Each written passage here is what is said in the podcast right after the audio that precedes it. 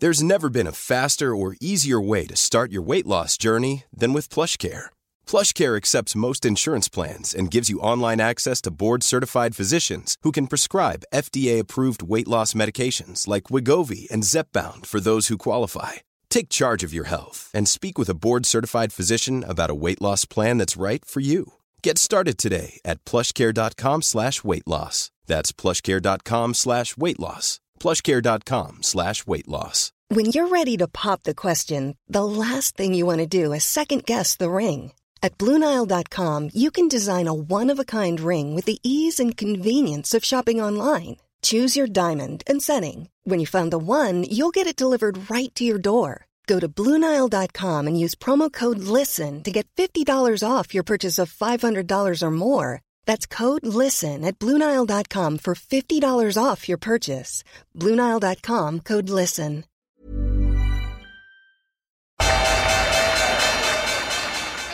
They mistook leverage for genius. Leverage for genius. I would recommend Japan.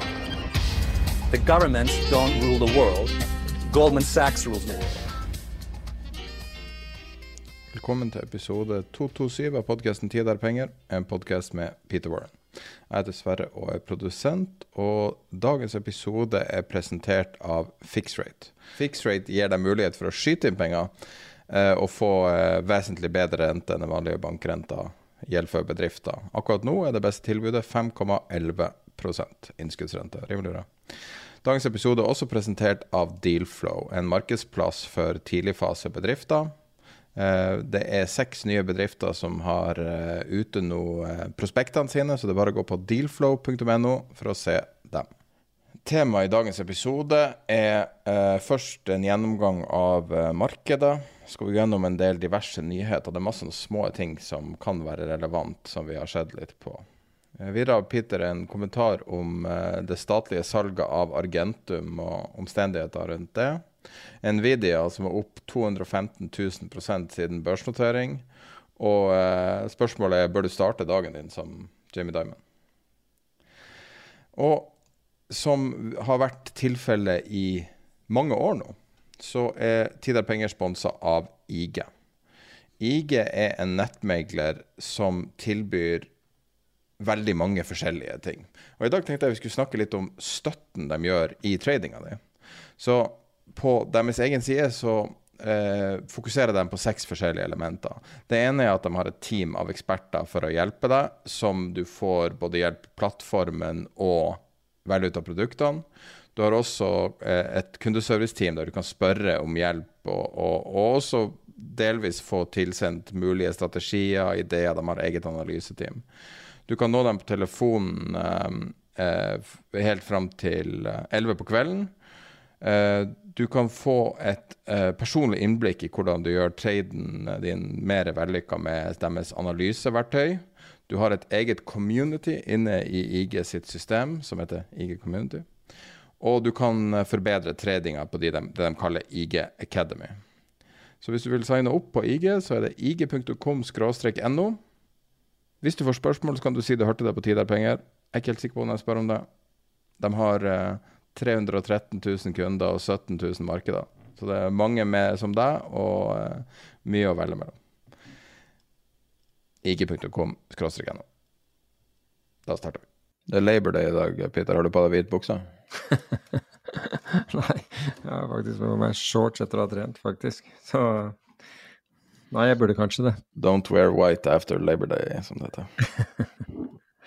Riktig. Uh, nei, jeg Har Labor Day noe signifikans i finansmarkedene? Er ikke det litt sånn at uh, når høsten starter, så begynner mørket liksom å komme i markedet? Er ikke noe sånn?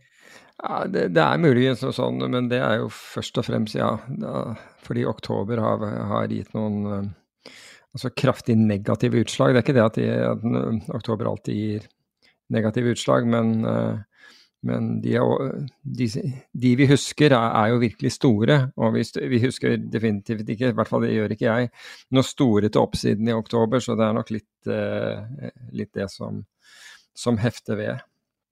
Jeg, jeg har sett litt på, for øvrig, på, på august, og er, altså siden vi bare er én dag inn i, inn i den uh, nye måneden da, da, uken sluttet i, i forrige uke så tenkte jeg at det var mer interessant å se på august, og da har vi jo på toppen, da, på avkastningstoppen om du vil, så er det faktisk europeisk gass, altså nederlandsk gass, som er opp eh, 23% og årsaken er den vi har eh, snakket om. Egentlig er det to. Altså det ene er eh, faren for streik i Australia, som da tilfører eh, bl.a. Europa eh, med LNG, eh, altså eh, liquefied eh, natural gas. Det er den ene, og, den andre er jo vedlikehold av rørledninger og slikt som, som, foregår. og Det har jo da presset prisen på, på, på gass opp.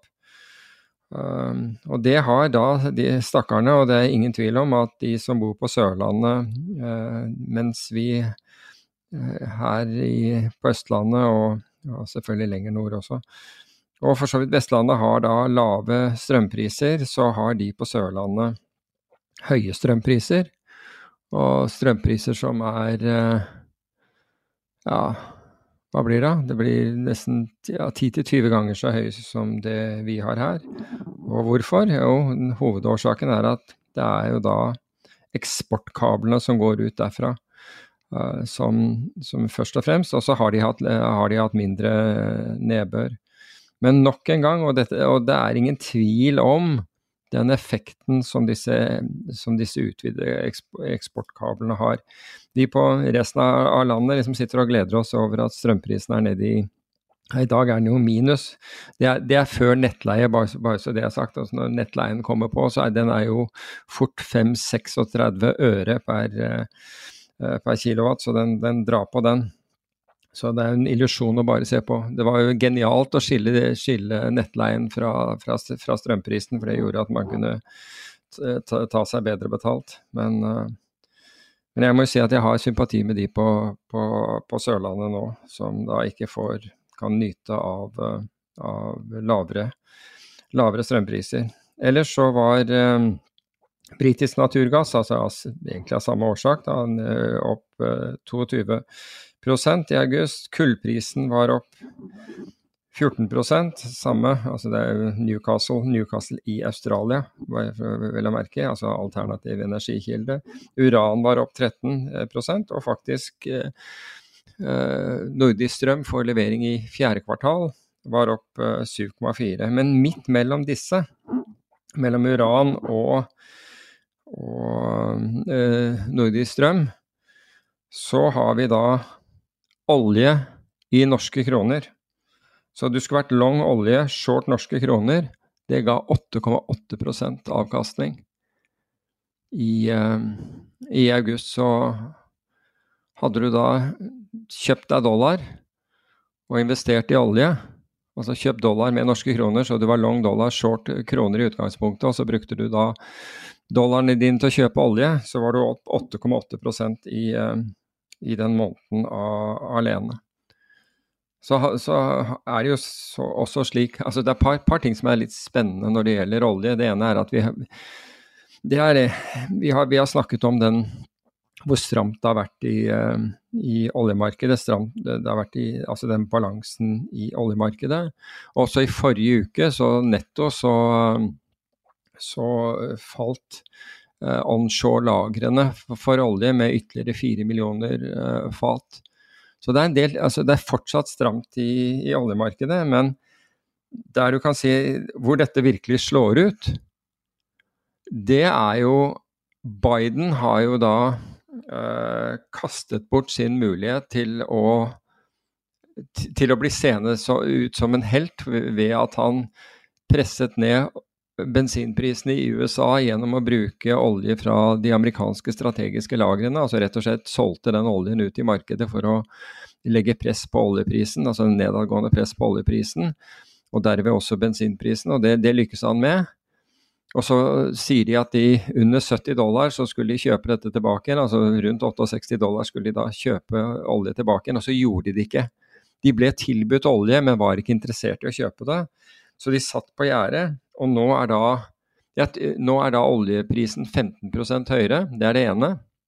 Og det andre er vel at Biden hvis, Nå kan det være at jeg tar feil fra hukommelse, og da vet jeg at noen kommer til å rette på det, og, og det, er, det, er, fullt akseptabelt, men jeg mener at gjennomsnittssalget av amerikansk olje hadde skjedd mellom 83 og 84 dollar eh, fatet. Så nå, nå, Altså, han kunne jo blitt en helt ved å, ved å fylt opp disse lagrene, stabilisert markedet, og samtidig tatt en gevinst. Altså, da ville velgerne vært fornøyd ved at de hadde fått eh, rimeligere bensinpriser.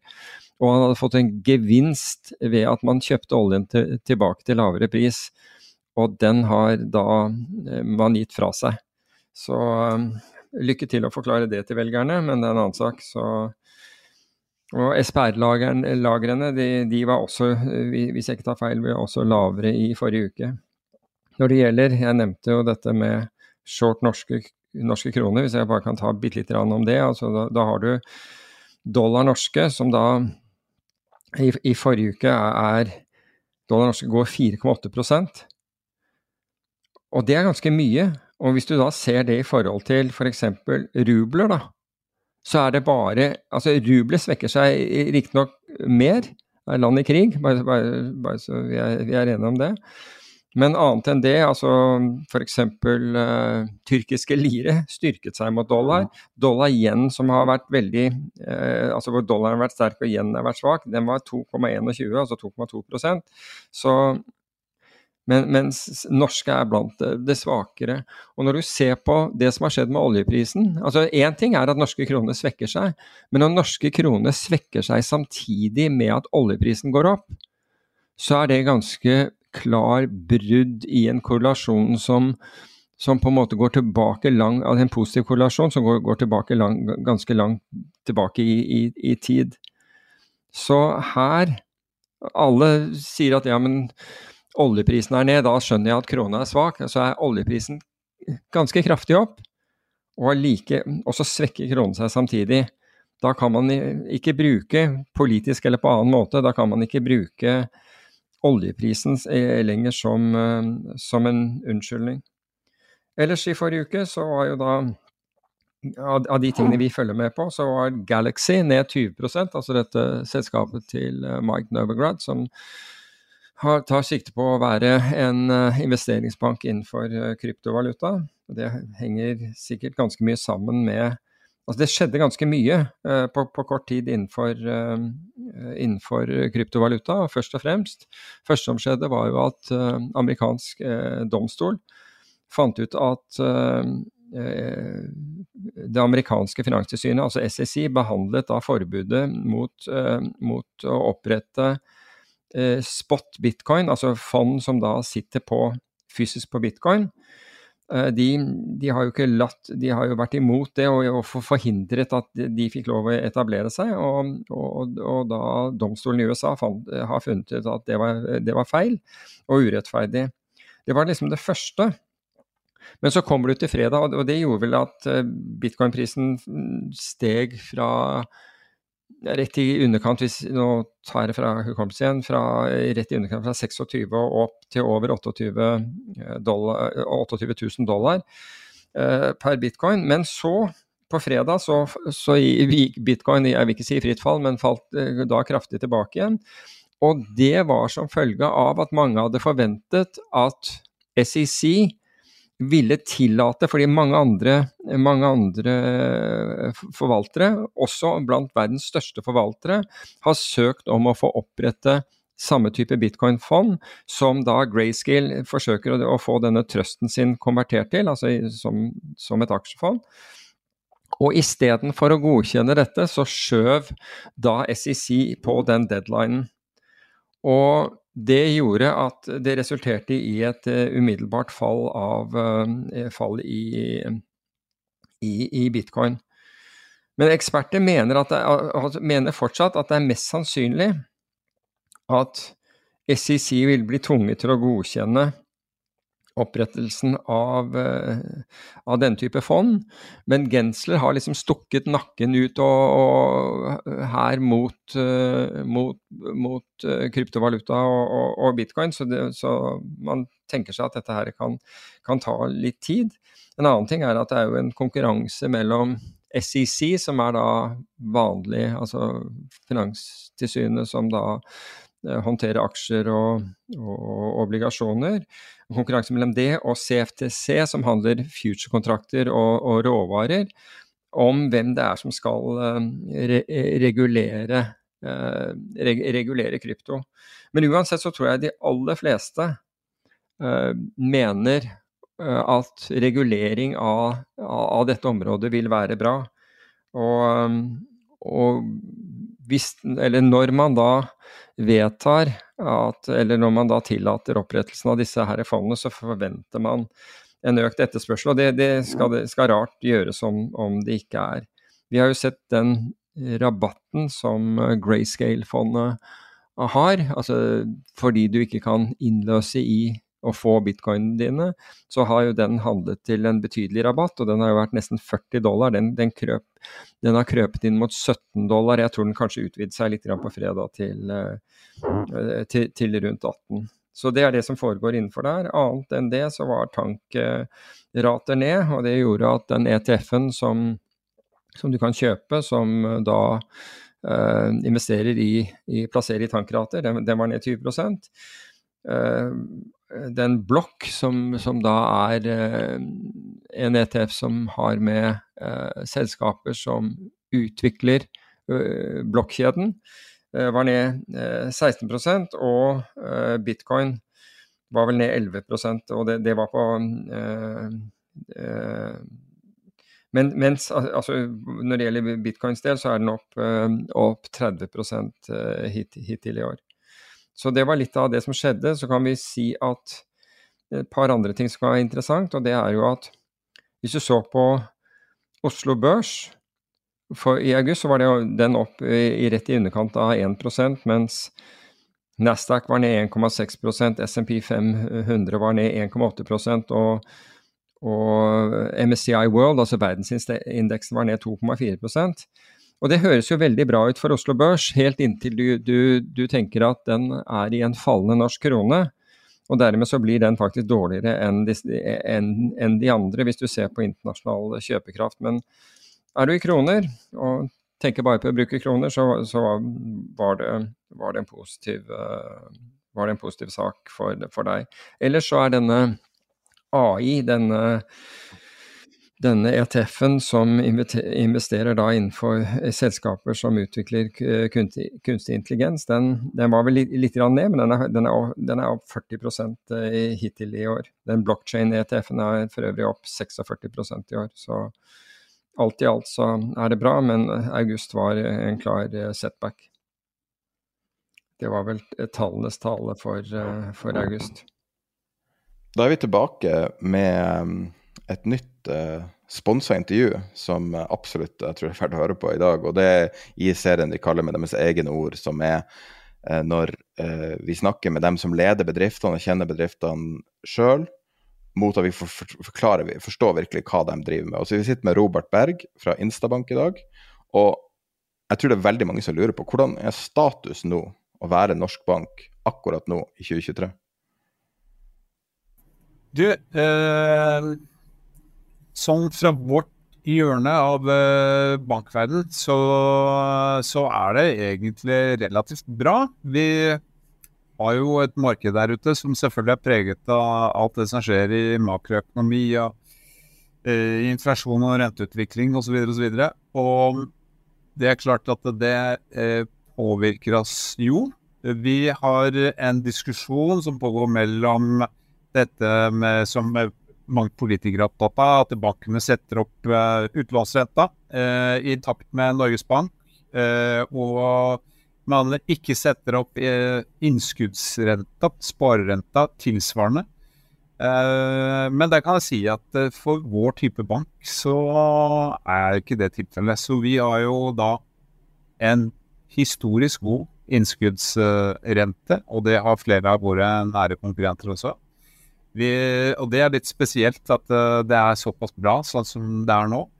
Uh, I tillegg så leser man jo mye om at uh, folk sliter på hjemmebane med økonomien, og biler blir tauet inn og beslaglagt osv. osv. Men vi ser ikke så mye til det Vi ser en litt økning i mislighold, som sikkert er et uttrykk for at flere sliter litt med å få økonomien til å gå rundt. Men vi har egentlig stabile nivåer både når det gjelder mislighold og når det gjelder uh, tap. Så um, alt i alt så må jeg si at uh, for en sånn nisjebank som oss, så ser verden relativt bra ut uh, her vi står. Eh, dere har økt omsetning en god del fra i fjor. Kan, kan, du fortelle litt om hvorfor det dere har gjort det, og hva som har skjedd? Ja, eh, det kan jeg fortelle litt om. Vi har jo eh, hatt en strategi, en eh, periode, eh, som har som overskrift, kan du si, å gå fra en, eh, en forbrukslånsbank til eh, å bli mer enn eh, en bank med flere produkter. Vi kaller det selv en, en fokusert eh, forretningsbank. Og i den planen da, så, så, så, startet vi i 2016 med bare noen enkle produkter, sparing og forbrukslån. Og så har vi gått over til eh, Finland og Sverige med de produktene. Så I tillegg så lanserte vi kredittkort i 2018, og så starta vi med boliglån i 2020. Eh, nå i sommer så har vi eh, lansert eh, en bedriftssatsing eh, som vi nå er i en skaleringsfase på. Første omgang er det en kassakreditt, eh, men det vil fortløpende komme flere bedriftsprodukter eh, utover i neste år. Men den satsingen vi gjorde med boliglån i 2020, den har jo vist seg god. Der har vi hatt en, eh, en eh, sterk vekst, eh, slik at vi har jo nå 60% av våre utlån i Norge er boliglån. Og tar vi med Sverige og Finland, så er, er over 40% av alt vi har utlånt, det er boliglån. Så det korte svaret, selv om ikke dette ble så kort, men det korte svaret er at det er den gode veksten vi har hatt på boliglånsområdet som, eh, som eh, har resultert i, i, inntektsveksten vår. Når man tenker på tilbake til status for banker, det er jo mye snakk om eh, eksponeringer for næringseiendom for banker. Hvordan er deres eksponering på det feltet? Har dere noe eksponering i det hele tatt? Vi har ingen eksponering mot næringseiendom i dag. Det kan jo tenkes at vi har litt indirekte gjennom eh, kassekredittproduktet vårt, men, eh, men, eh, det er svært minimalt om overhodet til stede. Hvis du hadde sagt det i 2019, så ville jeg kanskje sagt å, stakkars deg. Og nå er, det, nå er du bra velsigna når du ikke har den eksponeringa, for hvem vet hva som skjer der? Nei, det, det, er akkurat det, da. Men det er vel som med alt at alt som kommer opp, det skal jo ned. Og det som går ned, det skal jo opp. Så, så det, det, vil jo alltid være svingninger i de ulike områdene. F.eks. da vi startet opp i 2016, så var det jo kjempeetterspørsel etter forbrukslån. Um, og i det hele tatt usikrede kreditter, salgsfinansiering osv. Og, og så bremset jo dette opp i 2017 og fikk jo omtrent full stans i Norge i 2018 og 2019 og, og gjennom pandemien. Eh, men uh, i dag, uh, som vi skriver hva skal jeg si, høst 2023, så er jo etterspørselen etter usikrede produkter om ikke på nivået vi hadde i 2016-2017, så er det i hvert fall kommet betydelig opp igjen. Og nå regner jeg med at vi vil få noen, noen år hvor, hvor, det er god etterspørsel og lønnsomhet i det produktområdet. Altså, den vil jo variere imellom bedrift, boliglån, forbrukslån osv. Og, og der har du inngangen da til strategien vår, hvor vi ønsker å stå på flere ben som på en måte kan fungere motsyklisk også. Du nevnte så vidt kassakreditt. Og eh, når du kaller det en forretningsbank, er, det et nytt eh, område for dere? Ja, det er et helt eh, nytt område. Vi har eh, aldri gjort noe på bedriftsmarkedet tidligere. Altså aldri som vi siden 2016. Jeg har tidligere jobbet eh, også med bedriftsmarkedet i, i Santander. Eh, som eksempel, og i Kano Bank. Så jeg har jo Jeg kjenner jo produktene i dette markedet relativt godt. Og vi har jo nå ansatt også tre, tre personer fra starta som, som, jobber konkret da, med denne satsingen, og vi er ute nå og rekrutterer etter flere. Så uh, dette er helt nytt for banken og spennende, men vi ser jo at det er uh, et marked der ute. Små og mellomstore bedrifter som, som, har utfordringer med å få etablert god samarbeid med de store forretningsbankene eller sparebanker, for den saks skyld. så det, det, er en åpning her, og vi har jo gode konkurrenter eh, som, som, har vist at det går an å få dette markedet til å fungere godt. Eh, du var jo her eh, gjest hos oss for eh, ca. et kvartal siden. Hvordan har det gått siden sist? Eh, du, det har gått eh, veldig bra. Jeg vil si at banken er i veldig god utvikling. Vi har jo guidet på noen ganske offensive KPI-er ut i markedet. Og, og, det er veldig tilfredsstillende for oss hver gang vi har et kvartal og kan levere tall som bekrefter at vi, vi, er eh, på god vei i den retningen som, eh, som vi har eh, guidet markedet på. Det er ikke noe hemmelighet at vi i løpet av et par, par års tid, to-tre år, skal gå fra å være en bank som har en, en utlån på, på drøye 5 milliarder, til det dobbelte. Altså en bank som har 10 eh, milliarder eller mer i utlån. Og i den, i den, veksten så ligger det jo en skaleringseffekt som gjør at uh, lønnsomheten i banken uh, vil utvikle seg hva skal jeg si, enda sterkere enn veksten i utlån. Avslutningsvis, hva du tenker om uh, framtida? Du, du, har jo mer enn gjennomsnittlig innsyn i folks økonomi, og når du nevner biler og biler og båter og alt det. Så hva du tror kommer til å skje fremover? Altså, det blir veldig spennende å se hvor, hvor lang denne, denne, perioden blir med, eh, med, med høy, høyrentemarked. Altså, nå kaller man det jo en dyrtid. Eh, og det er jo et, et artig begrep, for så vidt. Men eh, hvis hvis det fortsetter med renteøkninger eh, fremover, og dette strekker ut i tid, så, så blir det litt mer spennende enn jeg liker, eh, tror jeg, fremover.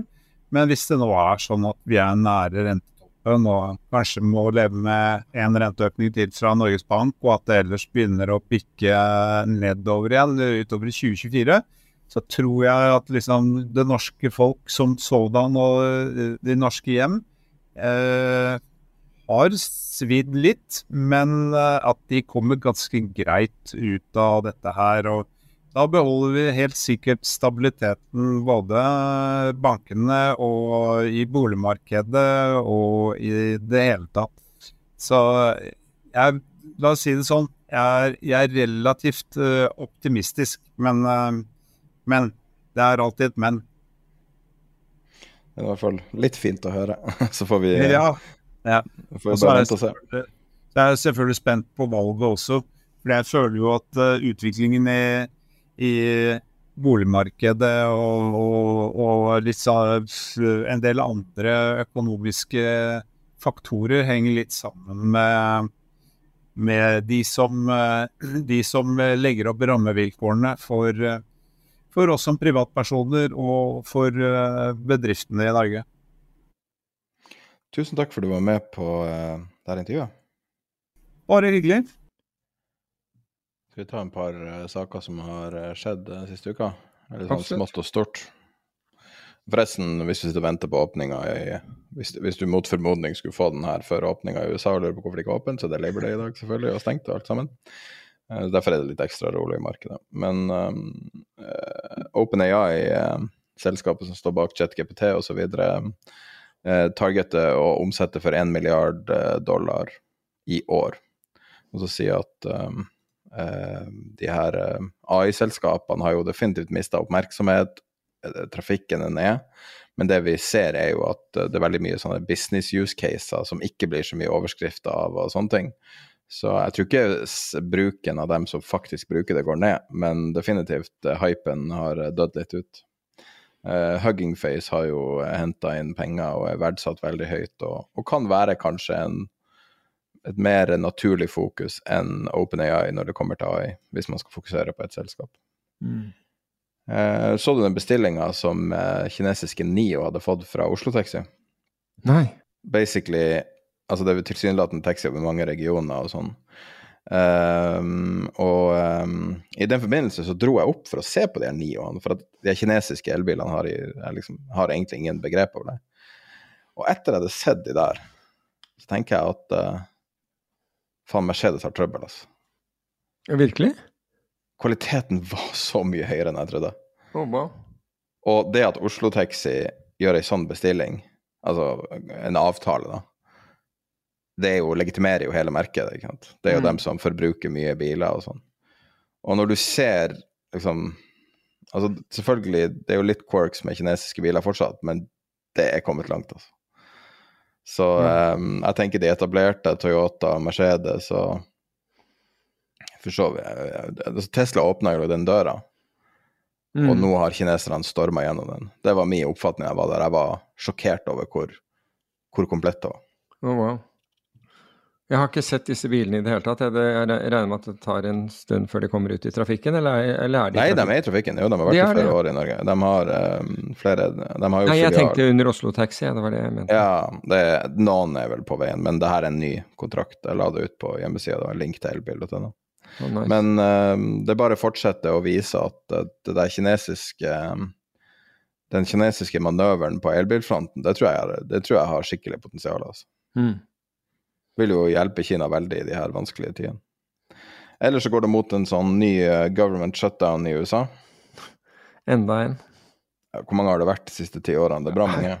Ja, det er bra mange. Jeg er helt enig. 1. oktober. Ja. Ikke at det har ingen signifikans for markedet normalt sett, men du har et ganske betent uh, politisk klima der, så at, uh, at de skal uh, at de skal få trøbbel og, og, og ikke få i, gjennom sånn brofinansiering for staten, det tror jeg nesten er en given, nå, sånn som de krangler. De prøver jo nå å, å, eh, å stille Biden for riksrett, eller hva det heter for noe. Impeache han. Så For, for å ha utvidet? Uh, jeg tror det er pga. sønnen hans. Jeg er ikke helt sikker på hva det er. Men uh, jeg tror dramaet ikke kommer til å gi seg med det første. Følger du den Trump-rettssaka, eller Trump-rettssakene? Følger du med på det? Ja, ja, jeg gjør det. Jeg gjør det. Hva er taken din på det? Nei, altså jeg registrerer jo det at det ser jo ut som det bare eh, styrker den, eh, det, hans oppslutning. Som betyr jo at liksom halve landet er i for, total fornektelse over, uh, over, det som skjedde. Samtidig så registrerer jeg også at disse Pride Boys som da som da gjorde, fulgte oppfordringen og marched on the capital, uh, har, blitt nå, har fått uh, fengselsstraffer, de som har vært oppe i retten, og det var noen i forrige uke, på mellom 15 og 18 år. Så, så jeg, jeg, jeg, jeg syns det er interessant, og det er jo selvfølgelig også ikke minst interessant at du kan bli dømt i alle disse her og, og fortsatt bli pre president. Det er visst ingenting i, i, veien for i USA. Det er jo merkelig. Men det er jo til de grader polarisert i USA. Jeg kan aldri huske å ha sett landet så splittet, men jeg kan heller ikke huske å, å ha sett så mange andre land splittet også, skal det, for å være ærlig. Men, men det der er en sånn evne til å totalt Eh, lukke øynene for fakta, det, det er jo skremmende.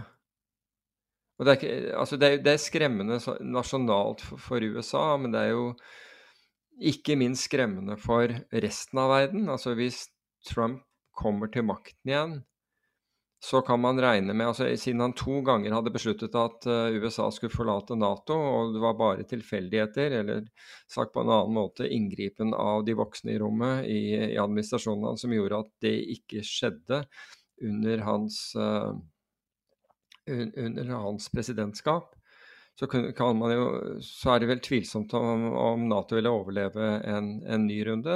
Så det skaper jo utrolig global usikkerhet. Jeg tror han hiver Ukraina og Taiwan rett under bussen, bussene uh, hvis han, han, kommer til makten. Så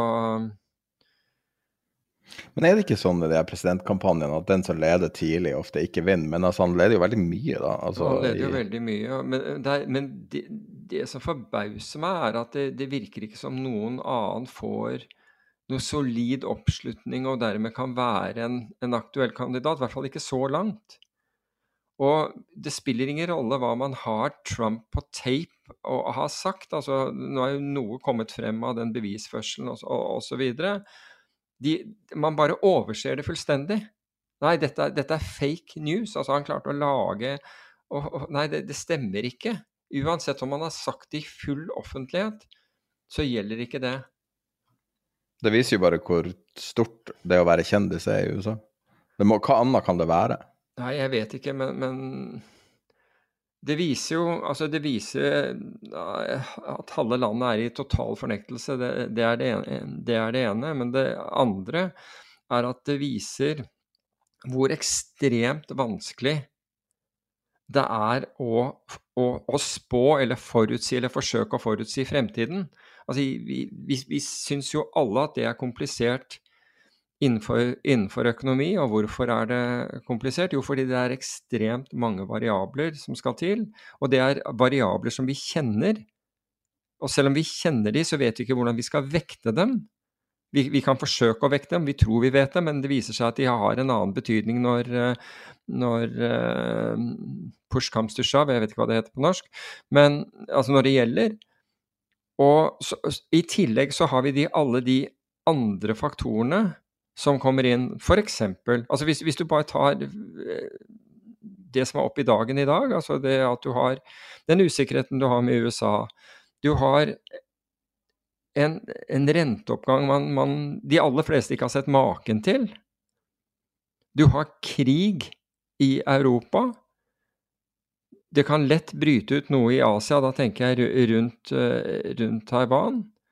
Og Hvis du sammenligner det med den perioden hvor vi hadde kvantitative lettelser og null eller negative renter, og en, en globalisert verden når det, gjaldt, eh, når det gjaldt handel Hvis du sier at du kunne forstå at markedene gikk opp på det, og nå har du reversert alt dette, gjort verden vesentlig mer usikker, gjort kostnadene vesentlig høyere, gjort det mye dyrere å, å foreta investeringer og skape lønnsomhet, og allikevel så, så, så har, du, har det bort, altså Det hadde effekt på markedet i fjor, men, men bortimot ikke. ikke mange, mange, land har, har, har, det kommet opp, uh, har børsene kommet opp i, i, samme nivå. Du har truende energikrise, muligheten for at Europa går tom for strøm. Det kan skje igjen, selv om lagrene nå er, er, er, ganske fulle. Så kan det skje fordi vi hadde en unormalt uh, uh, varm vinter i Europa i, i, fjor. Og folk hadde virkelig strammet inn livremmen når det gjelder forbruk av, av strøm. Men herfra så er det, er ikke Man har ikke samme muligheten. altså Man kan, man kan opprettholde et lavt forbruk, men du kan ikke tyne det ytterligere. Får du kald vinter osv. Det, er, det er så mange faktorer og allikevel så fortsetter egentlig ting akkurat som de var, som om du skulle tro at det var kvantitative lettelser, eh, alle disse stimuliene uh, var på plass. Eller i hvert fall oppfører vi oss slik. Og det, sånn rent sånn fundamentalt så burde vi sett en stor endring i folks atferd nå kontra da. Jeg sier ikke at ikke folk, folk lider, for det, det gjør de, men det, det er en stor, stor forskjell men, men, men, vi beter oss egentlig ikke sånn. Og det, disse tingene er nok et eh, eksempel på hvor vanskelig det er å forutsi. Var, jeg husker ikke om det var du som sendte meg den der, men det var en sånn eh, en, en karikatur av en kar som hadde i, som hadde ligget i koma, og som våkner opp og, og får høre om alle disse tingene som har skjedd i verden. Og han sier jeg hadde, å, fantastisk, jeg hadde flaks, for jeg, jeg kjøpte vanvittig med put-opsjoner på, på, det amerikanske aksjemarkedet rett før, eh, eh, rett før ulykken inntraff. Jeg må være styrtrik nå, ikke sant? men i virkeligheten så har han ikke fått noe ut av det, fordi alt er forvalt verdiløst. Alle de tingene som, som, som, kunne gå galt, har gått galt, men kursene har gått den motsatte veien. Og, men summen av, av, dette er jo altså hvis, hvis, du kan trekke de trådene og, og, prøve å komme til en konklusjon, det er at det, det er at spådommer er bortimot null verdt. Altså det er av og til og som Howard Mark sa i den ene, ene Jeg husker ikke hva det podkasten hans heter i farten, uh, men den er veldig bra. Uh, og Howard Marks er en forvalter, for de som ikke kjenner han, som, har, eh, som er svært internasjonalt anerkjent. Han har vel muligens sluttet som, som forvalter nå, men i hans levetid så hadde han, så hadde han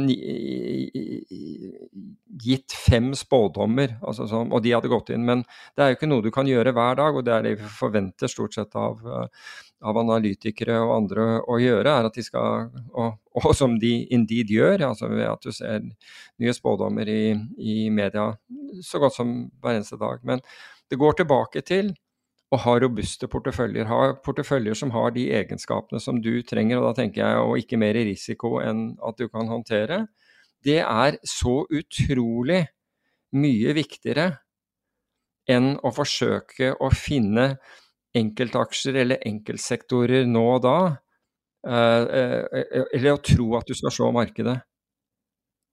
For det viser seg at nesten, det er nesten ingen som klarer det. Så det er mye viktigere å, med porteføljekonstruksjon, det å bygge en, eh, en, en, fornuftig portefølje og bare bli sittende med den. Og det, det, var et eller annet sted jeg så, nå husker jeg ikke hvor det var. Og nå mener jeg ikke å, å rappe noen annens verk uten å gi kreditt for det, men det var den beste avkastningen hadde døde mennesker. Og det var noen som da hadde investert i et eller annet, ikke sant? og så døde de. Og så, en eller annen grunn ble, eller så, så fant arvingene dette her 20-30-40-50 år senere, hva, hva, de hadde gjort. Og det ga bedre avkastning enn noe annet. Og hvorfor? Jo, fordi de, de kunne ikke da de, de, kunne ikke da overprøve og hele tiden ha ideer om å lese ting i avisen som gjorde at de gikk ut av det fondet inn i det og gjorde dette istedenfor det, og trodde at sånn, sånn ville det være. Så hvis det er et take som uh, lytterne kan ha av dette, så er det, så er det porteføljekonstruksjon er mye viktigere enn en noe annet. Enn, enn å tro at du, du, skal kunne, du eller rådgiveren din for den saks skyld, kan forutsi fremtiden. Begynte det med et spørsmål fra deg som jeg tok av helt på, eller hvordan var det da? Jeg husker ikke hva jeg snakka om. ikke jeg heller. Jeg vet ikke hvor det der begynte, men uh, det var nå dit det gikk. Men, jo, du, du, spurte om dette med, med Trump, og uh, fulgte med, så uh, Ja, jeg gjør det, men og, og, for meg så ser det ut som, som det er absolutt mulig, jeg vet, jeg vet ikke i hvilken grad sannsynlig, Altså i hvilken sannsynlighetsgrad, men at han, at han kan bli gjenvalgt. Uh, Apple har uh, gjort, Apple er jo et selskap som nesten alle andre selskaper i de sektorene de opererer i, emulerer. Så hvis Apple gjør noe, så gjør alle det. Og um, de har jo veldig høy kvalitet på produksjon og veldig høy kvalitet på produkter. Og um, nå skal de angivelig begynne å bruke 3D-printere for å produsere de her uh, metalletuiene til klokken sine. Og så vidt jeg vet, er det en av de få produktene som skal produseres på den måten. Og det kan jo være, virkelig være et sånn gjennombrudd for 3D-printing som teknologi. Uh, og um, det finnes jo norske selskaper som opererer i det feltet, og, og det, det, har vært et generelt løft for hele sektoren etter den nyheten kom ut på Bloomberg. Oh, nice. Det spennende teknologi. Eh, amerikanske finanstilsynet eh, vil ha mer innsyn i eh, hva de Jeg visste ikke at det fantes uh, high frequency-tradere av amerikanske statsobligasjoner. Oh, Men uh, de, uh, det er noe sånn regelendring som gjør at de i praksis får mer accountability og mer innsyn. Inn, og det, det, blir mer innsyn i hva de holder på med. da. Visste du at det var high frequency treasures? Absolut, Ja, ja, absolutt. Altså dette ja, Absolutt. Uh, og Robin Wigglesworth, altså friend, friend, of the pod, eller vi er i hvert fall friends av, av, av ham, i Financial Times, uh, han og jeg hadde jo en, en en, en, litt opphetet diskusjon om akkurat det der for tror jeg var i 2020.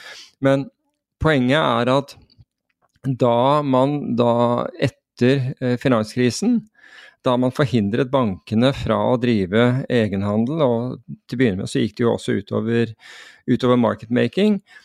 Av, også av eh, statsobligasjoner så, et, så, var, så, ble jo det kontret fra, eh, fra finansielt hold at det eh, ville gå utover markedet og markedenes likviditet. Fordi hvis du tok bankene ut, bankene som hadde da eh, solid egenkapital bak og kunne da sitte på på verdipapir de kjøpte, eh, eh, eller sitte med short-posisjoner over tid, så ville marketmakingen bli overlatt til private aktører, hedgefond og andre. Og inni der kom da high frequency-tradere inn i også inn i treasury-markedet. Og husk på at dette her er aktører som ikke har kapasitet eller ønske om å sitte med inventar. Så når de kjøper noe, så har de tenkt å selge det så fort som det overhodet går an, selvfølgelig med, med, en gevinst, men det kan dreie seg, seg helt ned i mikrosekunder. Og myndighetene eh, snudde det døve øret til bransjens advarsler om at dette her ville skape volatilitet og til tider situasjoner hvor uten likviditet i markedet.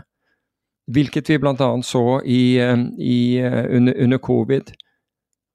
Og at man Det er helt merkelig, eh, finner jeg, fordi det er det du har fått. Du har, all marketmakingen i dag eller nesten all marketmaking i dag består da av, av high frequency tradere som stiller for så lite volum som overhodet mulig og har tenkt å kaste ut det. Og, og hvis de kjøper noe, skal de selge og hvis de shorter noe, eller altså med andre ord de selger noe, så skal de ha det tilbake igjen.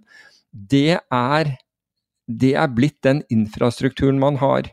Det er ingen som absorberer salgspress eller kjøpspress hvis de forstår at det er et stort salgs- eller kjøpspress, så bakker bare eh, prisene av, og du får en mye dårligere kurs enn du ville få før.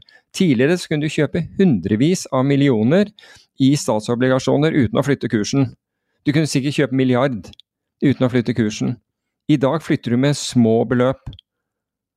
Så dette er rett og slett en konsekvens av regulerende myndigheter og, og lovgivere som ikke som var politisk motiverte og ikke forsto effekten det kunne ha på markeder. Og nå, eh, De her eh, høyfrekvensaktørene må jo være med i FINRA nå.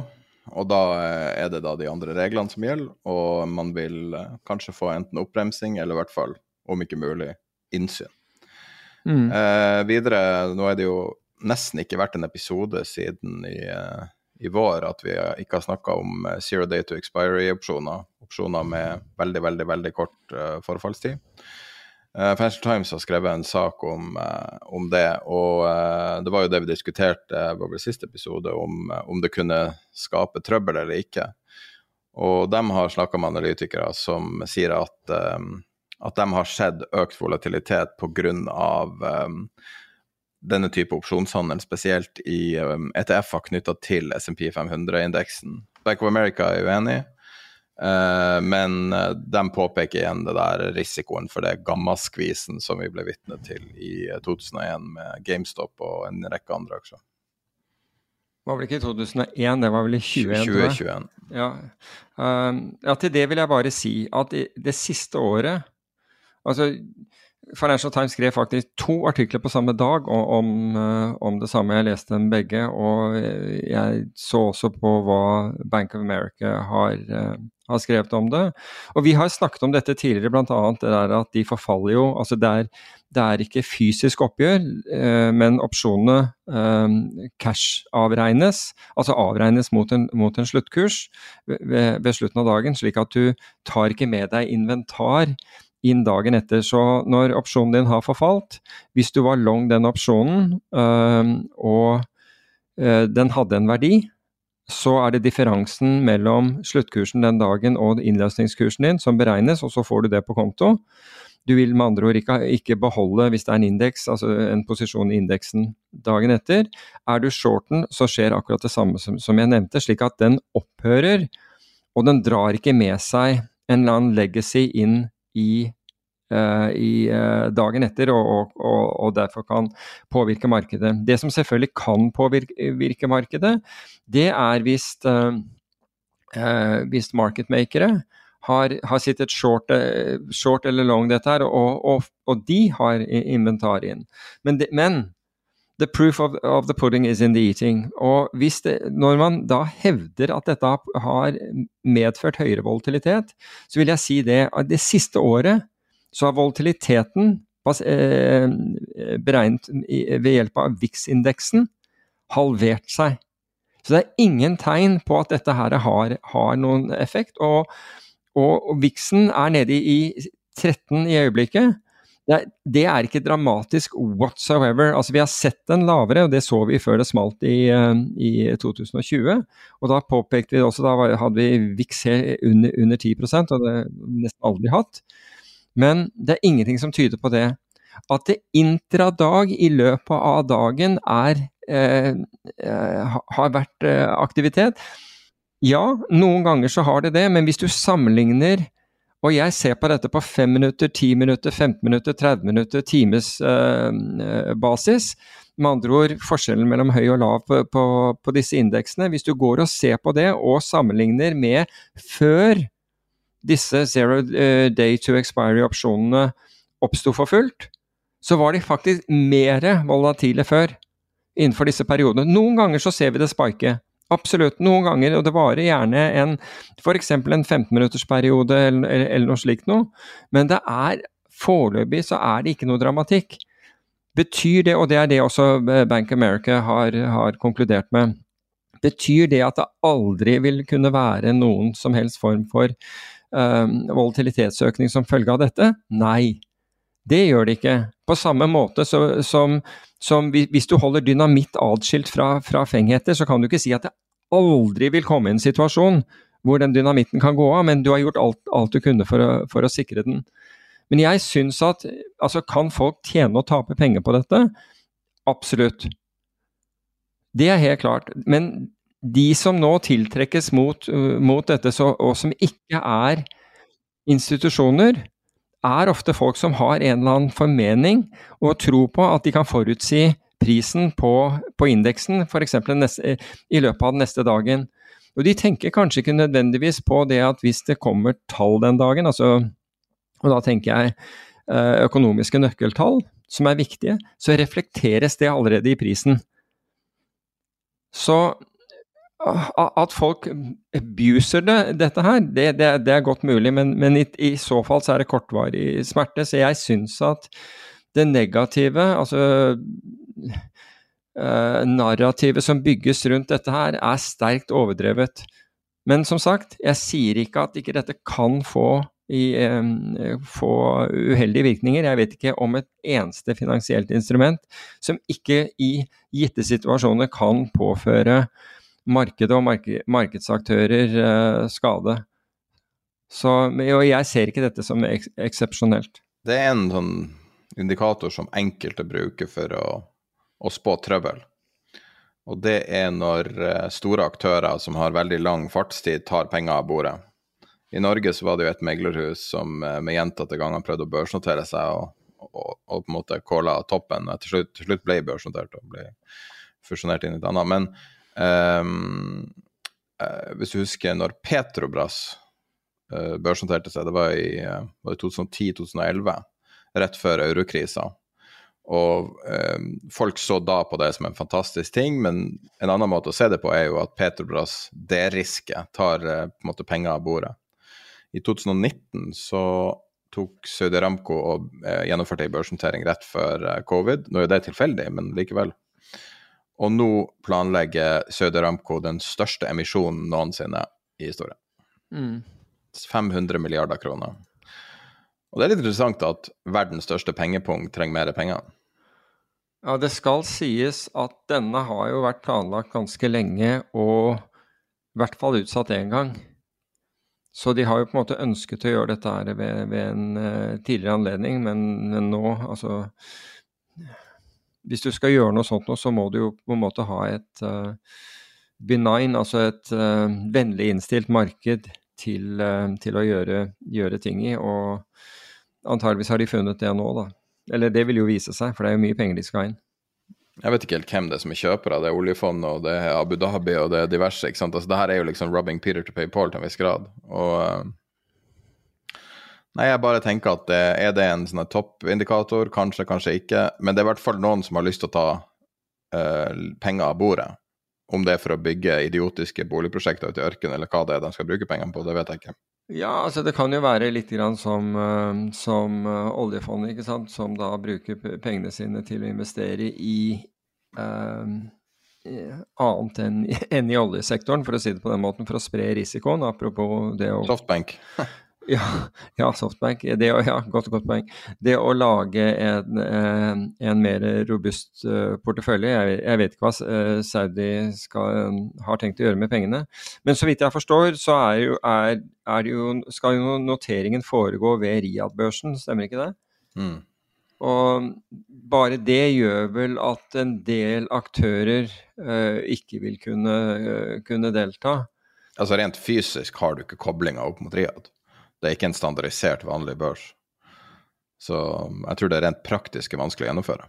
Ok, ok. Jeg vil tro det. Tror ikke du det? Nei, jeg, er usikker på hvor, hvor, hvorfor man har valgt det på denne måten.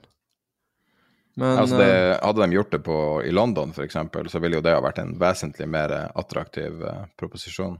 Ja, det er akkurat det. Det, det var egentlig det jeg, det jeg, mente, som gjør at uh, er at du vil ha uh, færre færre interessenter enn, enn, om det ble gjort f.eks. i London eller New York.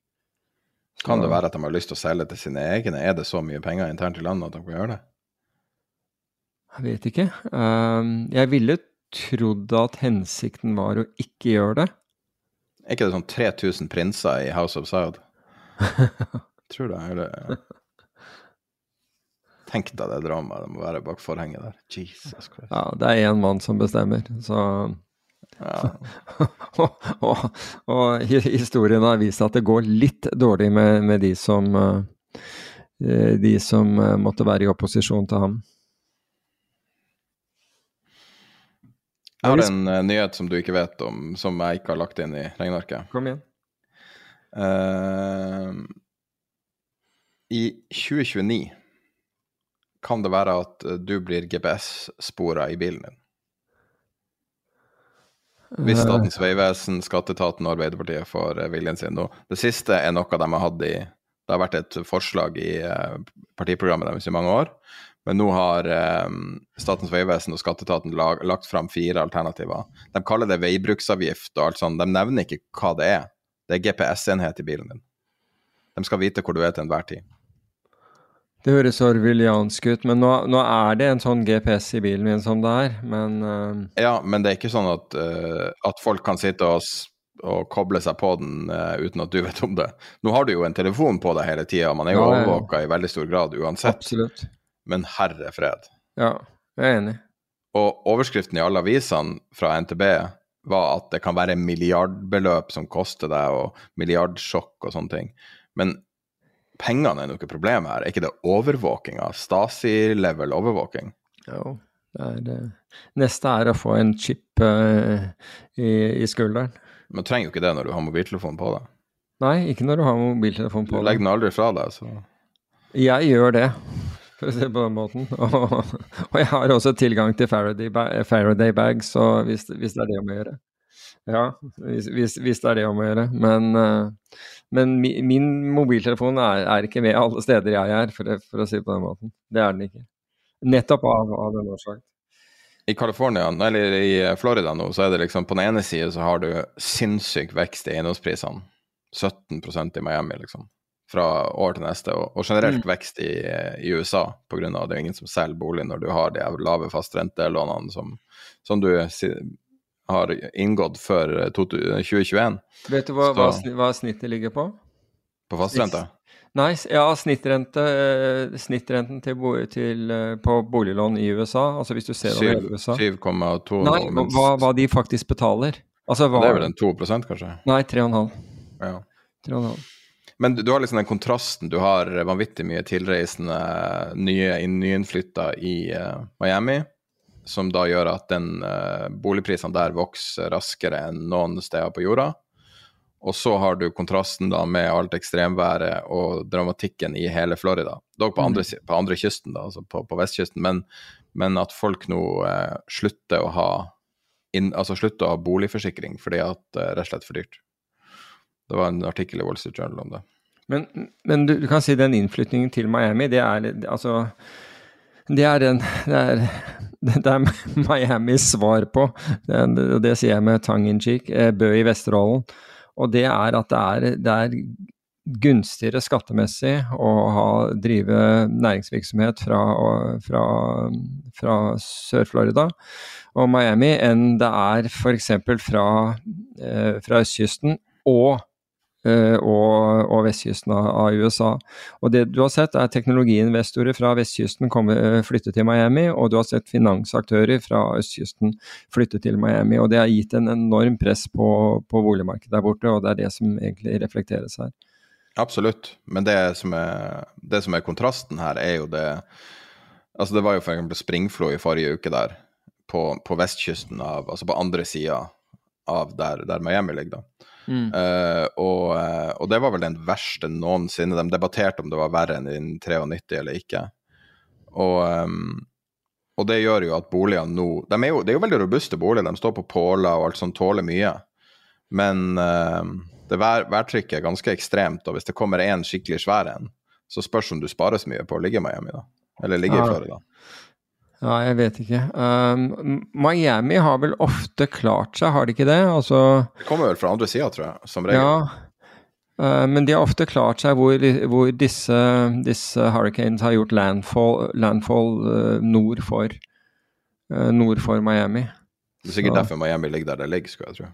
Ja, og det er også deler av, eh, av Karibien, og, eller Kine, som også har liksom hele tiden, altså by the grace of God, eh, unngått eh, disse store, eh, store orkanene. Og så har de Det høres bare ut som en risky trade, det er alt jeg tenker. Og- Ja, mulig.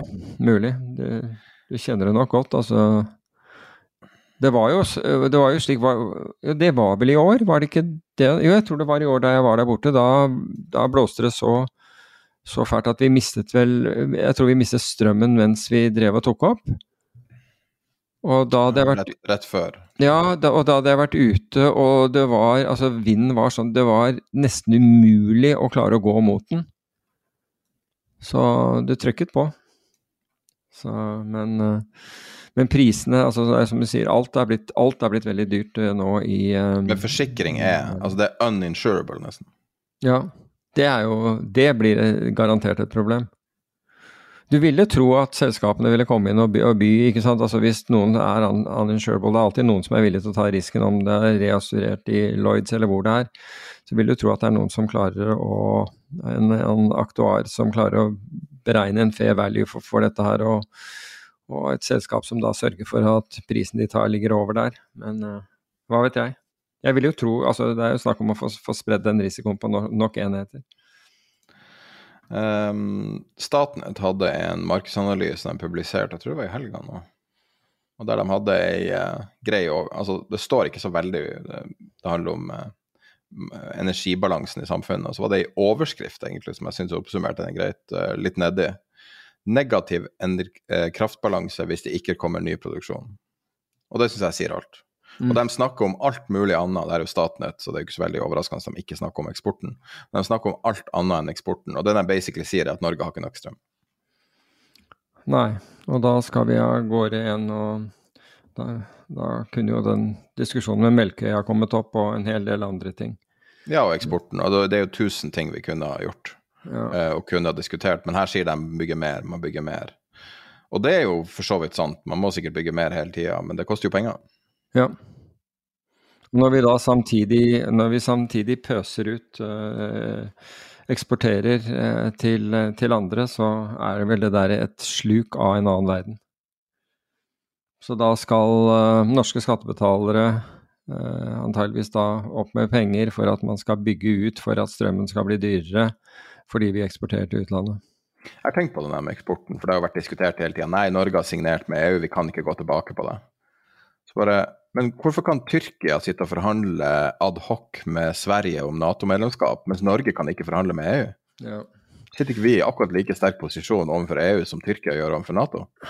Det kan jo være at noen norske politikere ikke ønsker å utmerke seg i en uh, debatt med EU, kanskje se for seg kanskje en karriere der, hva vet jeg. Kanskje. Jeg skulle bare ønske at man satt Norge først én gang. ja. Og så kan man gå tilbake og sette Brussel først igjen, men bare ja. én gang. ja, det hadde vært hyggelig. Det er jeg helt enig i. I hvert fall når, jeg, når uh, avgjørelsene om det vi driver med ble, ble fattet på, på, feilaktig grunnlag, så er det jo rimelig at man kunne, kunne, ta den rollen. Jeg er helt enig. Det ville, være, ville vise respekt overfor folket. Fallende diamantpriser. Ja. Uh, vet du hvorfor det opprinnelig er så høye priser på diamanter? Nei, det vet jeg ikke. I 1930 så var jo ikke diamanter dyr. Eh, diamanter er ikke sjelden, det er en myte. Diamanter er overalt. Mm. Men eh, fram til sånn 1998 eller noe sånt, så var det De Beers-kartellet som eide typ 98% av alle diamanter og lagra dem. Men grunnen til at det ble så dyrt, var én reklamekampanje gjennomført av, av um, han som er faren til markedsføring, nevøen til uh, Freud. Og før det så var ikke diamanter dyr. Og det, samme, og det var i 1930. Og så nesten over natta ble diamanter dyr og sjelden. Og det samme gjorde de i Japan typ 30-40-50 år senere. Det er bare markedsføring. Mm. Det er derfor det ikke finnes en diamant-ETF, liksom. Wow. Men nå faller prisene. Ja, 39% på en måned på ett karats uh, diamanter. Uh, fra 1400 dollar hver karat og til, til, 850. Så det er jo dramatisk, uh, det i seg selv. Men det er, det er, i hvert fall voldsomt. Bra for de som, som, som, ønsker å kjøpe den slags. Litt mer kjedelig for de som, har, som, sitter med, med, dette her i en liten sånn en liten tøypose i safen. De sier jo det at hvis du går inn på en sånn diamantbutikk og kjøper diamant, og så går du til nabobutikken som kjøper og selger, og så prøver å selge, mm. så får du 10% av beløpet. Der har du verdien. Ja, det er vesentlig lavere. Det, jeg, jeg, så på dette her for veldig mange år siden. Jeg var i, var i Hatton Gardens, og jeg var i Antwerpen og, og, og kikket på det, og det er helt håpløst. Det, det er null likviditet på det der. Men det var sånn uh, roughly de nyhetene vi hadde sett på? Ja, og så Eh, bortsett fra det, så, så er det jo én ting altså Jeg ser på dette statlig nedsalg av Argentum, eller vurdere salg av uh, Argentum. Um, og Argentum, bare det er jo da dette Det er jo ikke et PE-fond, egentlig, fordi det er et fond av fond som staten satte opp. Så staten satte opp et fond, ga det penger, og de pengene ble da investert i andre fond som drev med private equity.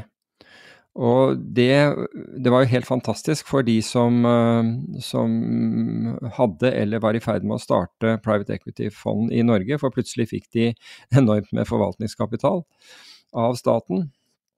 Og, og det vi vet, er, altså historien har vist at dette var i en periode som var helt utrolig bra, altså med fallende renter og, og og kvantitative lettelser og, og, og, og derav stigende, eh, stigende, aksjeverdier. Så det har gått helt utrolig bra.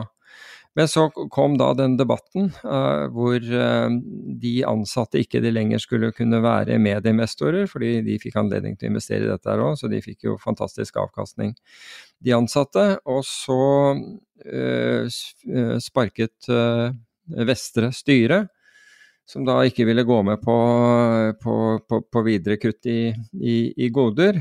Og nå sitter da staten igjen uh, og eier dette her uh, Argentum med et nytt management. Men hva er verdien av, av noe sånt noe?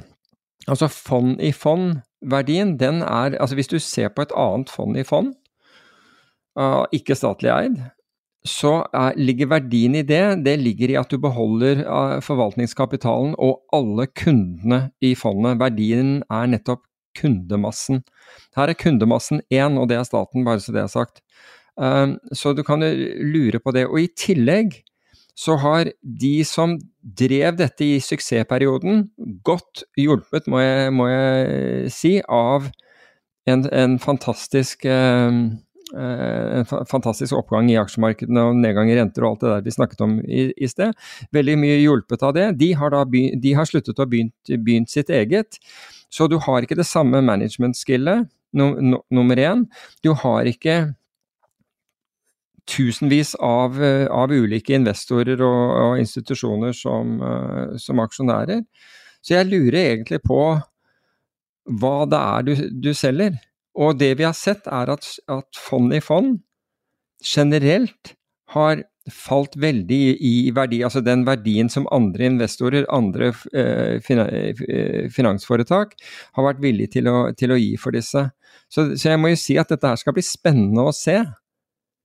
Også ut ifra at liksom skillsettet med private equity, altså de som valgte aksjene, og selskapene som de da skulle investere i, det var ikke de som satt i Argentum, men de som satt i underfondene som Argentum hadde investert i. Så jeg er litt, sånn, litt spent hvordan den uh, matematikken skal, uh, skal, settes opp, og, og, og, begrunnelsen skal settes opp. Så det blir en spennende sak, eh, sak fremover å, å, følge med i. Så var det en annen sak jeg så, og det var Envida. Nei, det heter Nvidia, jeg tenker meg om, gjør det ikke det? Uh, altså selskapet som da lager disse prosessorene som uh, benyttes til uh, ja, er, De er jo ikke det eneste, men de er i hvert fall en av de mest kjente som lager prosessor til, til AI-maskiner. Og de er da opp 200 Altså aksjen har steget 215 000 siden børsnoteringen i 1999. Altså vi, vi, kan liksom si hva vi vil om bitcoin, men altså 215% det er, det er så det holder. Og en, hvis du investerte 10 000 dollar på IPO-en, altså på, ved børsintroduksjonen, så er den verdt 21,5 millioner dollar i dag. Men i løpet av den tiden, da, fra 99, altså 1999 frem til 2023, så har aksjen falt mer enn 50% ved tolv tilfeller, og mer enn 90% ved to tilfeller. Så det forteller jo hvilken hvor sterk mave, altså, eller risikotoleranse, du måtte ha for, for å kunne nyte godt av de 215 000 eh, prosentene. Det er verdt å, tenke, det er verdt å, å minnes, fordi vi hører jo alltid om ting som har gått voldsomt opp, men det er ikke alltid vi forstår at uh, at du kan si at basehopping er, er, som en sånn godnattsang for barna i forhold til den, den adrenalin eh, turen du har vært med på for å, for å kunne oppnå for å, for å, kunne oppnå disse 215 000 prosentene. Men du hadde et eller annet om det. Du mente at dette var opprinnelig finsk, var det ikke det? Eller finsk? Nei, men det var mye finsk. Jeg eh, tenker på eh, når, i tidlig fase, fordi Nvidia drev og sloss med et selskap med 3DFX. Eh, og, og, det var Jeg mener at det var et finsk selskap som var det aller første grafikkortet som kunne produsere 3D-grafikk. Så det var litt sånn uh, blanding av historie her. Men de har jo lang historie fra tilbake til 93. Uh, eh, og um, ingen skjønte jo hva det her Altså GPU er jo et relativt moderne, en relativt mo moderne oppfinnelse. CPU, altså en, en prosessor, um, er mer en um, altså den, den, gjør ting i rekkefølge, mens en GPU kan gjøre parallelle prosesser, som er grunnen til at det at det funker så utrolig godt uh, At det funker så utrolig godt til, til ting som AI, f.eks. At du, måten du kan uh, Du prosesserer på en helt annen, helt annen utgangspunkt. Uh, men er det rart det der å tenke tilbake når jeg brydde meg om sånne her ting på 90-tallet, liksom. Og hvor umulig det var å se hva Nvidia kom til å bli. selv bare for noen år tilbake, rett før bitcoin tok av, hvor vanskelig det var å se potensialet i Nvidia, som så ut som i aller høyeste grad et ultranisjeprodukt i en ultranisje.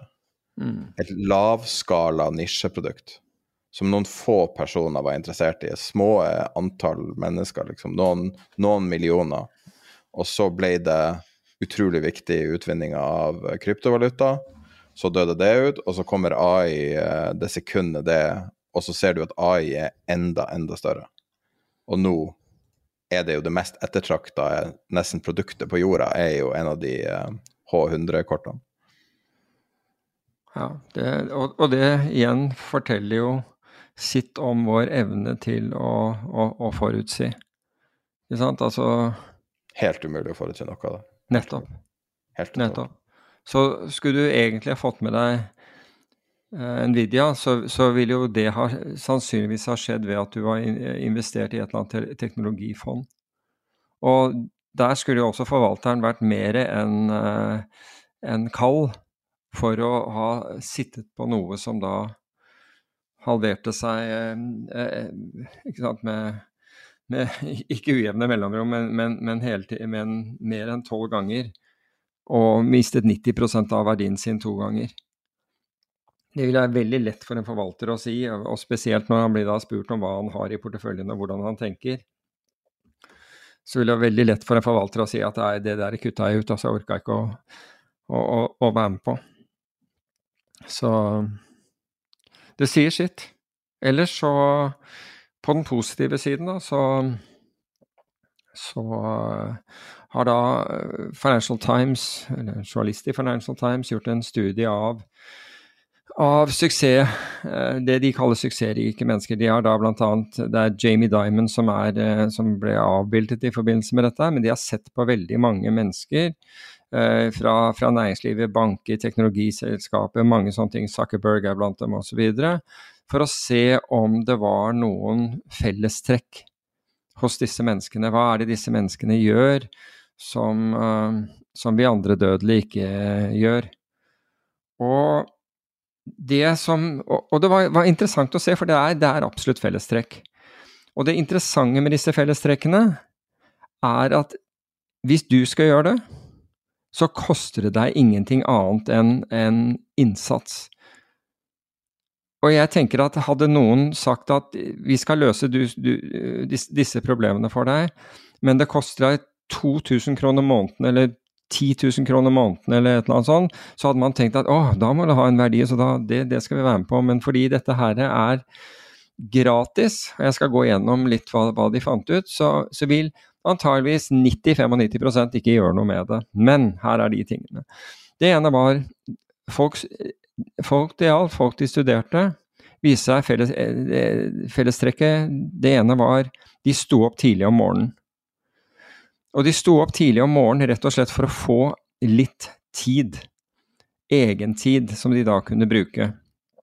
Og vi, jeg skal komme tilbake til hva uh, veldig mange bruker den der tiden, eller faktisk alle brukte noe av den tiden til. Det andre de gjorde, var å re redusere antall beslutninger de måtte ta om morgenen, og det har med det psykologiske at det er, det er grense for hvor mange gode beslutninger vi kan gjøre i løpet av en dag. Og du er mer opplagt på begynnelsen av dagen, slik at det er lettere for deg å å fatte gode beslutninger tidlig på dagen enn når du begynner å bli sliten mot slutten av dagen, hvor du tenderer til å ta shortcuts i beslutningsprosessen din, rett og slett for å bare komme igjennom. Så de aller fleste dødelige vil da ikke uh, være i stand til altså er, som, jeg, som, jeg, sa, det er grenser for mange gode beslutninger du kan fatte i løpet av dagen. Så hva gjorde de om morgenen? Jo, de planla dagen i forveien hva de skulle ha på seg. Når det gjelder Mark Zuckerberg, så har han bare bestemt seg for at han skal ha T-skjorte, for han vil ikke bruke tid på det i det hele tatt. så han har han går i T-skjorte og muligens olabukse, jeg antar det er det han har på seg, men i hvert fall det var, det var en av måtene han gjorde det på. Andre la klærne sine klare kvelden i forveien, slik at de kunne bare, uten å tenke seg om, hoppe i klærne. Vi, alle, vi, vet alle, hvis du skal pakke om morgenen og skal gå tidlig, hvor, hvor frenetisk og gærent det kan være. Altså, du har høy puls og prøver å huske ting, og du kommer halvveis ut døren, og så har du glemt et eller annet osv. Helt håpløst, i hvert fall syns jeg. Så det ene var da å redusere antall beslutninger. Mosjon. Samtlige, samtlige en, gjorde en eller annen form for mosjon. Og det er ikke så viktig, altså du må bare finne en som passer til deg. Uh, uh, slik at det er, det er ikke meninga at du skal pushe deg sånn at du uh, for ubehag for ubehagets skyld eller, eller noe sånt noe, men det å få mosjon på morgenen hjelper å få i gang både kropp og hode, altså du får liksom økt eh, blodtilførsel, og det hjelper også på en endorfinproduksjonen din som gjør at du blir gladere i seg selv. Så det, det var viktig det jeg, jeg, nevnte dette med beslutninger, og så, man, og så, kom de da til at man skrev opp de tre viktigste tingene, de tre tingene som de skulle gjøre den dagen, som hadde prioritet. Og det har jeg hørt fra, fra, fra mange, at de, de, bruker det, og det gjør at de kommer gjennom den dagen. Og da kan de på slutten av dagen si ja, jeg fikk gjort det der. Og du får på en måte en, en velværefølelse ved at du har klart å de, gjennomføre de tingene Eh, du har, satt, eh, du har satt deg. Så eh, noen drev med alt fra krav maga til stretching, altså den, den mosjonen. Andre jogget seg en tur, gikk på et treningssenter. Det, det, var ikke så viktig. Altså Finn noe som passer for deg, og så end liksom litt på rutinene av og til, slik at du får litt mer effekt av, av treningen. Men disse tingene var var uh, Dette gikk igjennom hos, hos, disse menneskene. Det er enkle ting. Og så så de på, på noen av morgenrutinene til, til, andre. Beethoven har laget seg da kaffe med ikke, ikke mindre eller flere, men akkurat 60 kaffebønner. Uh, jeg vet ikke helt hva, hva, hva, hva, det kalles, altså det at du er opphengt i, i det. Men uh, men det var, han, det var, en del av hans rutine. Mens uh, Warren Buffett drakk en cola. Jeg vet, ikke, jeg vet heller ikke om, om, om det er så, så, positivt å få et sukkersjokk som first thing in, in the morning.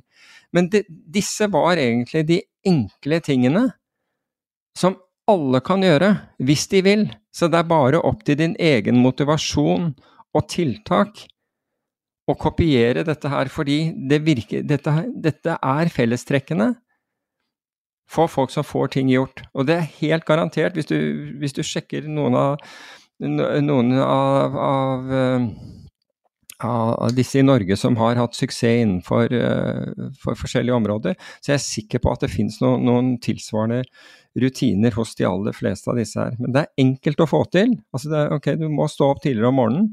Da kan du legge deg tidligere om kvelden hvis det, hvis eh, det er et problem. Prøv å stå opp samme tid hver morgen.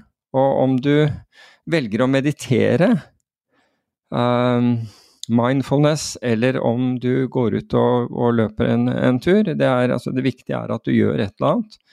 Sånn at du får um, litt, litt, bevegelse, men også det vi kaller på engelsk 'clarity of mind' um, før, før du går i gang med dagen. Så jeg tenkte at det var verdt å, å, å dele, og, og, håper egentlig at folk give it a shot. For liksom nedsiden er veldig liten. Altså nedsiden, Men du må jo da gjøre det nok, nok dager til at, du, at dette kan bli en rutine for deg. Så det hjelper ikke om du står opp til, i morgen, tirsdag morgen og sier ah, klokka fem. Det der virka ikke for meg. Jeg er trøtt fortsatt. og ikke klarte jeg å finne på tre ting å gjøre osv. Du, må på en måte gjøre det som en, som en disiplin. Helt, uh, helt, til slutt så kunne jeg bare tenke meg å, å, takke uh, Norwegian Hall Club, som jeg holdt et foredrag for uh, for halvannen uke siden utenfor, på Herdla utenfor Bergen. Um, Mest fordi de, de stilte utrolig interessante og eh, ganske krevende, krevende, spørsmål, men jeg syns denne sesjonen var, eh, var, var, veldig, veldig bra fra mitt ståsted pga. Den, den, den feedbacken og det engasjementet som, eh, som de ga. Så jeg har for øvrig et privat, foredrag på et privat arrangement i, i Oslo denne uken og, og, og neste uke i skal jeg snakke på karrieredagen i Bodø. Så det blir spennende, det også. Det var de tingene jeg hadde tenkt å, å, å nevne. Noe fra deg? Nope. Da er vi tilbake neste uke. Ha en fin uke.